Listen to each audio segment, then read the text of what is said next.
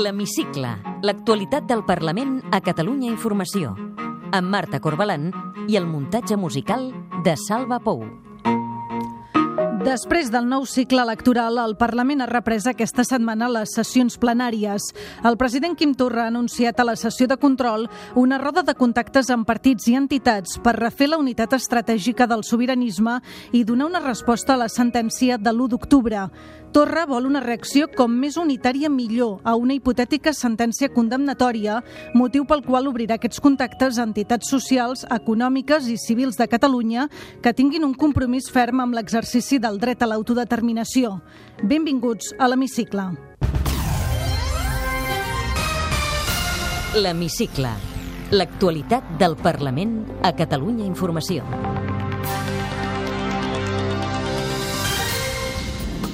El president de la Generalitat feia així l'anunci per assolir, tirar endavant aquest desafiament que se'ns presentin, per poder fer realitat els anells democràtics del poble de Catalunya, jo demano aquesta unitat estratègica. Jo em reuniré amb tothom per veure si podem, entre tots, aconseguir traçar el rumb d'aquests propers mesos. La unitat que vol Torra no la trobarà, però, en Ciutadans. Carlos Carrizosa, que s'ha estrenat com a cap de l'oposició després de la marxa d'arrimades al Congrés, recordava a Torra al revés de la justícia europea a l'independentisme. El Tribunal de Estrasburgo no les ha dado la razón les ha dado un sonoro bofetón.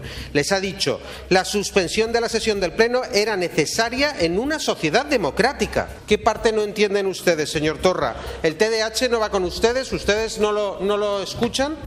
El Parlament ha aprovat aquesta setmana la llei d'espais agraris, una reivindicació històrica del sector.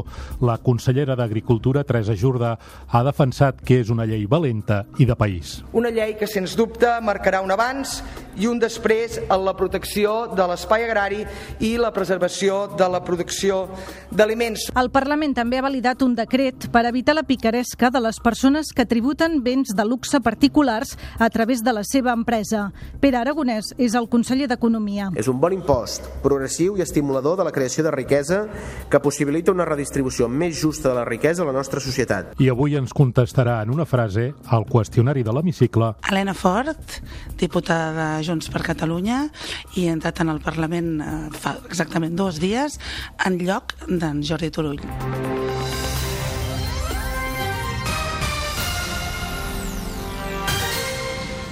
Entrem en matèria. Un cop superades les diferents cites electorals, el president Quim Torra va aprofitar dimecres la sessió de control per fer una crida a refer la unitat estratègica del sobiranisme. Torra reunirà en partits i entitats per veure com cal afrontar els mesos vinents i, sobretot, com s'ha de respondre a una hipotètica sentència condemnatòria contra els dirigents independentistes per l'1 d'octubre. Ens ho explica l'Albert Duran. Sessió de control. El president de la Generalitat creu que ara toca recuperar l'esperit d'unitat estratègica de l'1 d'octubre per assolir, tirar endavant aquest desafiament que se'ns presentin, per poder fer realitat els anells democràtics del poble de Catalunya, jo demano aquesta unitat estratègica. Jo em reuniré amb tothom per veure si podem, entre tots, aconseguir traçar el rumb d'aquests propers mesos, fins a unes sentències que, evidentment, les volem absolutòries, però que si no fos així seria un atac directe contra tots els demòcrates i una vergonya absoluta per l'Estat. La sessió de control va coincidir amb el dia que les Nacions Unides demanaven l'alliberament immediat d'Oriol Junqueras, Jordi Jordi Cuixart i Jordi Sánchez. El president del grup parlamentari republicà, Sergi Sabrià, i el portaveu de Junts per Catalunya, Albert Batet, exigeixen a l'estat espanyol que compleixi la petició del grup de detencions arbitràries de l'ONU. Nosaltres ho tenim clar. Llibertat pels presos, retorns dels exiliats immediatament. Prou repressió com a venjança. Solució política a un conflicte polític. Esperem que les resolucions com la que avui sembla que apareixeran de l'ONU, d'una forma històrica, puguin portar la llibertat dels presos polítics i el retorn dels exiliats. La petició de l'ONU arribava l'endemà del revés de la justícia europea a l'independentisme. El Tribunal de Drets Humans d'Estrasburg ha validat la decisió del Constitucional espanyol de suspendre el ple del Parlament posterior al referèndum de l'1 d'octubre. Carlos Carrizosa, de Ciutadans, va aprofitar-ho per protagonitzar el seu primer cos a cos amb Torra com a cap de l'oposició després de la marxa d'Inés Arrimadas a Madrid. Carrizosa va mostrar al president de la Generalitat un marc de fotos amb la sentència del Tribunal d'Estrasburg. Estrasburg. Estaría bien que, que sustituya usted la infame pancarta que ha vuelto a, colgar en el, a colgar en el Palau por otra con esta frase del tribunal, pero como no lo va a hacer, yo le he traído esta frase del tribunal enmarcadita para que se la cuelgue en su despacho. No sé, veient-los ara amb aquesta exhibició una altra vegada dels famosos cartellets, ara amb una versió una mica més treballada. No, no, els felicito, Vull dir, perquè ja està més marcat, ja anem, anem guanyant en professionalitat, però em recordo una mica allò del gran Capri, no?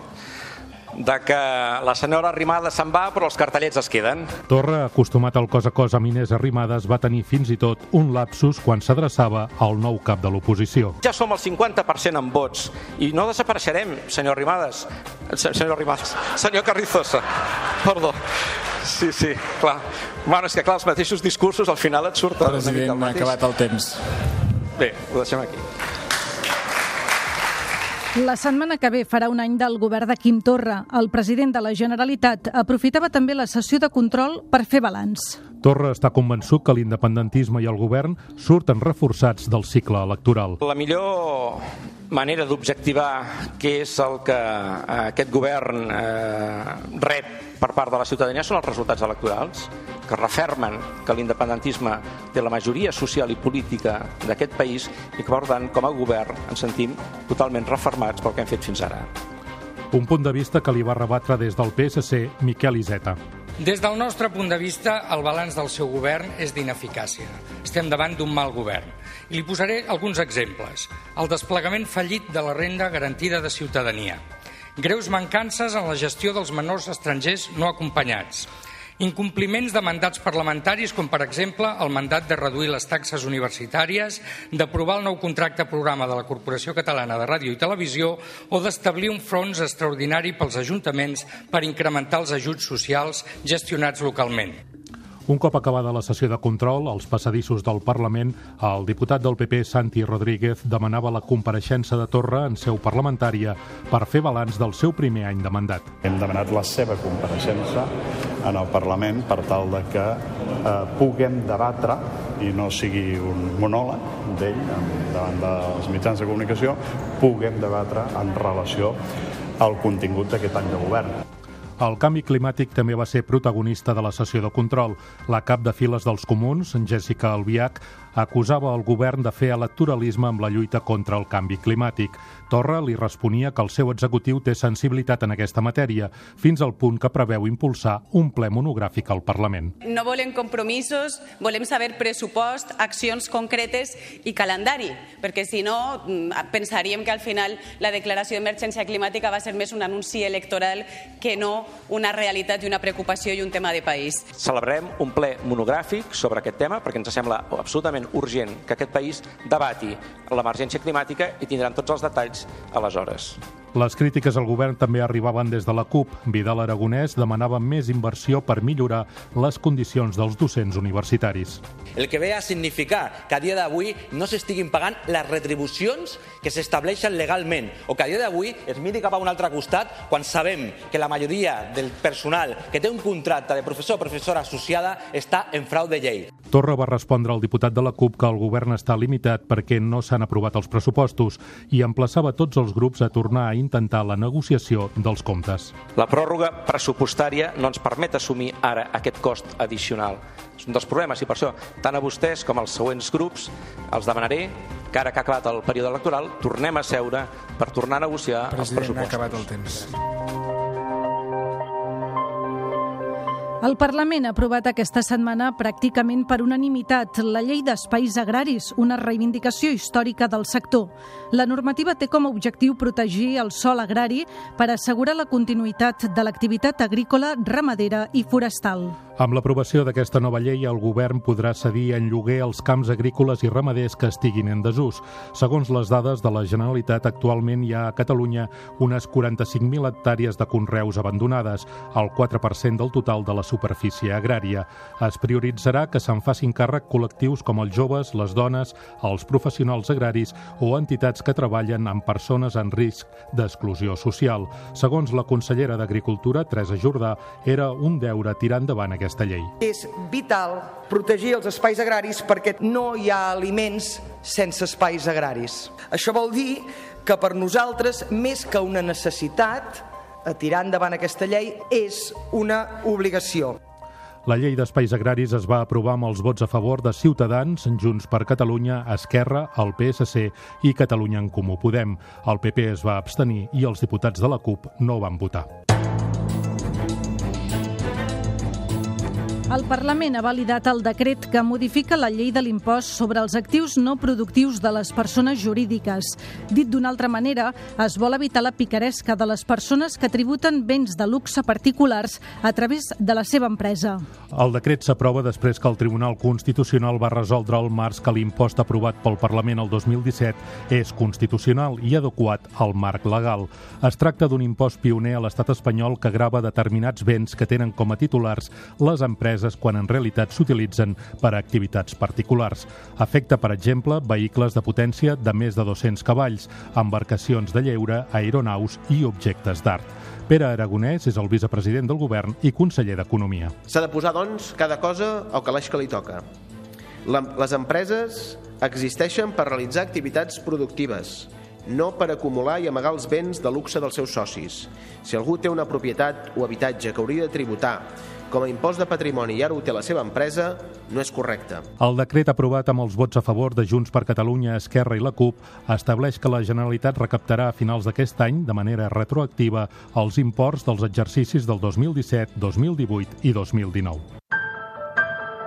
En primer lloc, em plau donar la benvinguda als nous diputats i diputades que avui s'incorporen a les seves tasques parlamentàries, el senyor Jorge Feijó i la senyora Mercè Escofet, del grup parlamentari de Ciutadans, la senyora Núria Piques i el senyor José Rodríguez, del grup parlamentari republicà, i el conseller, senyor Miquel Buch, la senyora Helena Fort, el senyor Josep Puig, la senyora Glòria Freixa, el grup parlamentari de Junts per Catalunya. Benvinguts a tots i espero que tinguin molts, molta sort i molts encerts a la seva tasca al Parlament de Catalunya. Aquesta setmana s'han estrenat vuit diputats. Substituiran els que han estat escollits al Congrés a les eleccions del 28 d'abril i que, per tant, han hagut de renunciar a l'escó a la cambra catalana.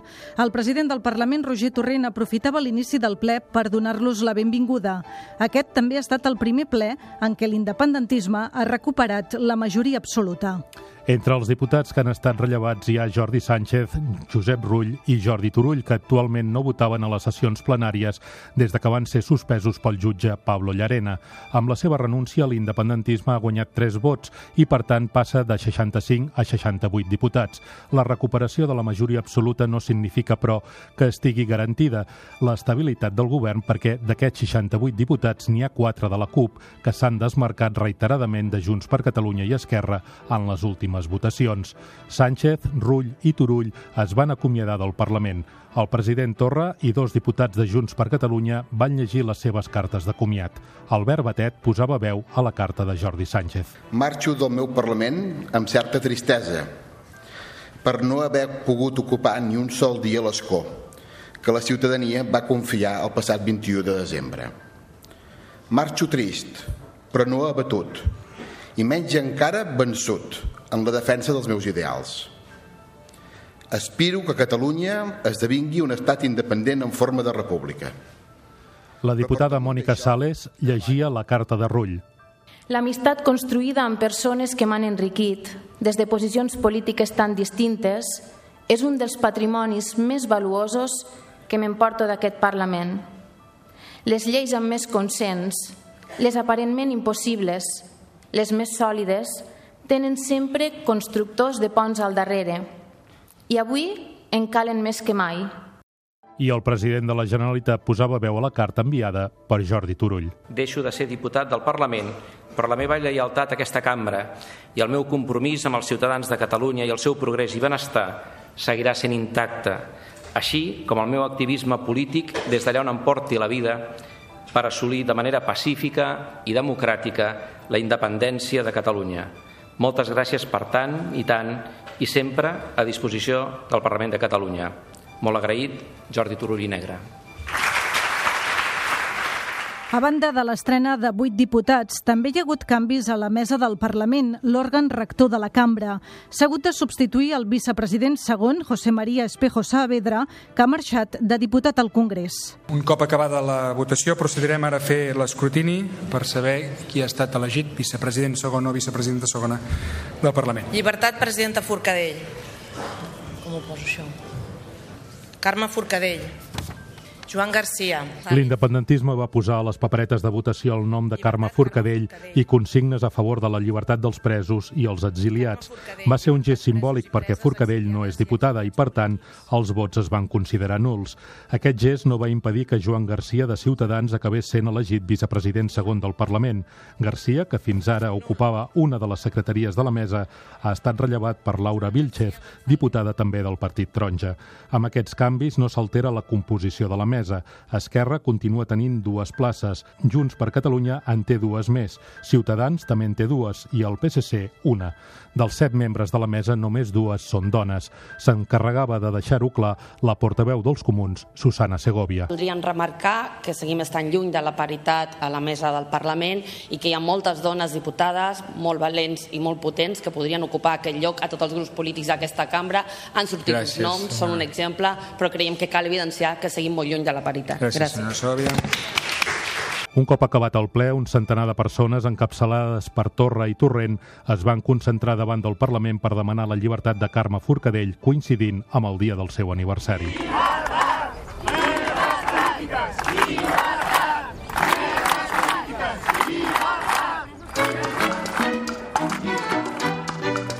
Té la paraula Helena Fort, diputada de Junts per Catalunya i he entrat en el Parlament eh, fa exactament dos dies en lloc d'en Jordi Turull. No m'agrada dir substituir perquè substituir és una paraula molt complexa per en Jordi Turull, però aquí estic en, en el seu lloc. Aquest moment en, què, en el que vostè entra al Parlament no és un moment qualsevol, com se sent?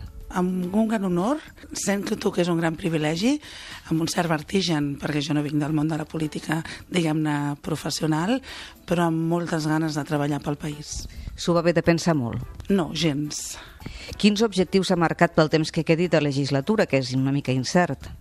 dels objectius del grup, és a dir, governar, governar eh, i assolir l'objectiu que tenim determinat com a grup, que és el pel que ens vam presentar a les eleccions del 21 de desembre. Vostè és advocada especialista en dret urbanístic, és així?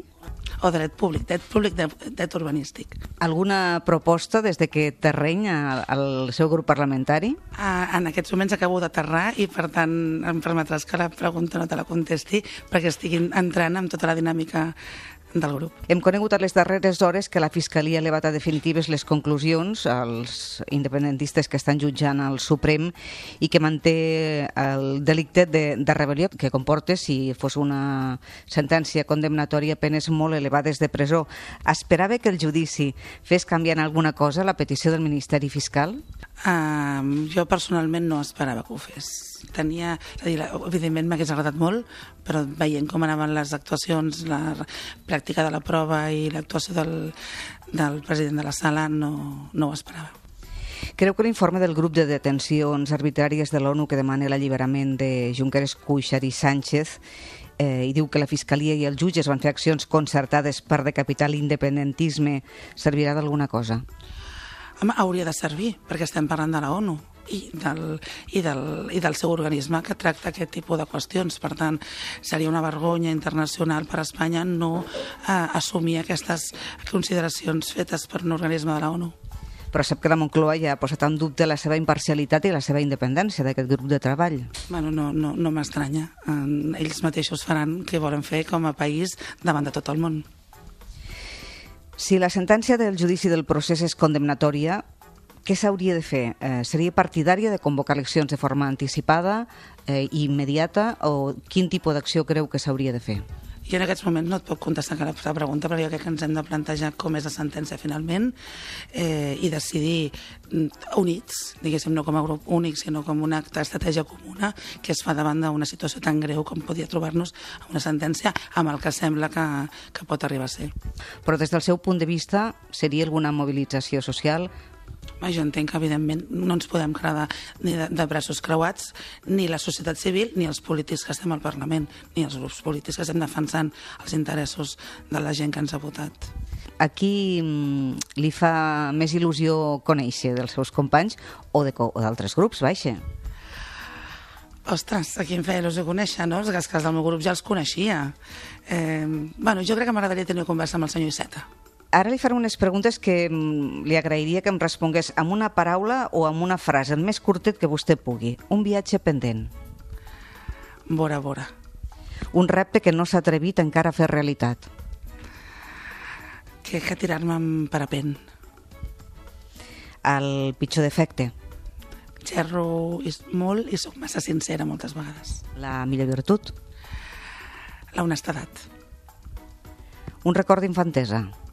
Al camp del Barça amb els meus pares. És eh, rancuniosa. No. El millor i el pitjor adversari que ha tingut. El pitjor adversari, el càncer que va tenir el meu marit, el millor, el millor adversari, jo mateixa.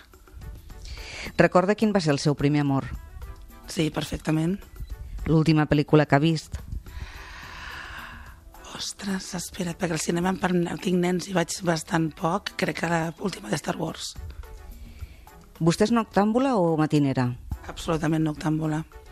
Si pogués tornar a començar la vida, a què es voldria dedicar? No, no, jo, l'advocacia i el dret són la meva passió. No té, per tant, cap vocació frustrada? Ser futbolista. Creu que hi ha alguna cosa després de la mort?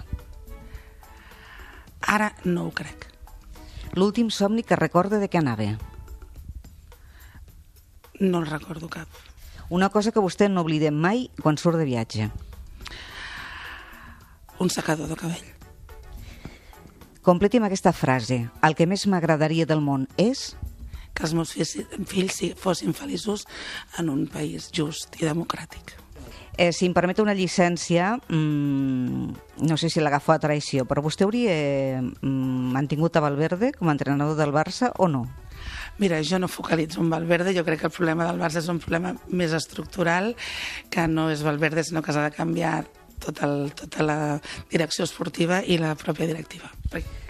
És a dir, que si torna Jan Laporta, vostè tornarà amb ell? No sé si torna en Jan, però si m'ho proposés hi tornaria. Gràcies. A vosaltres.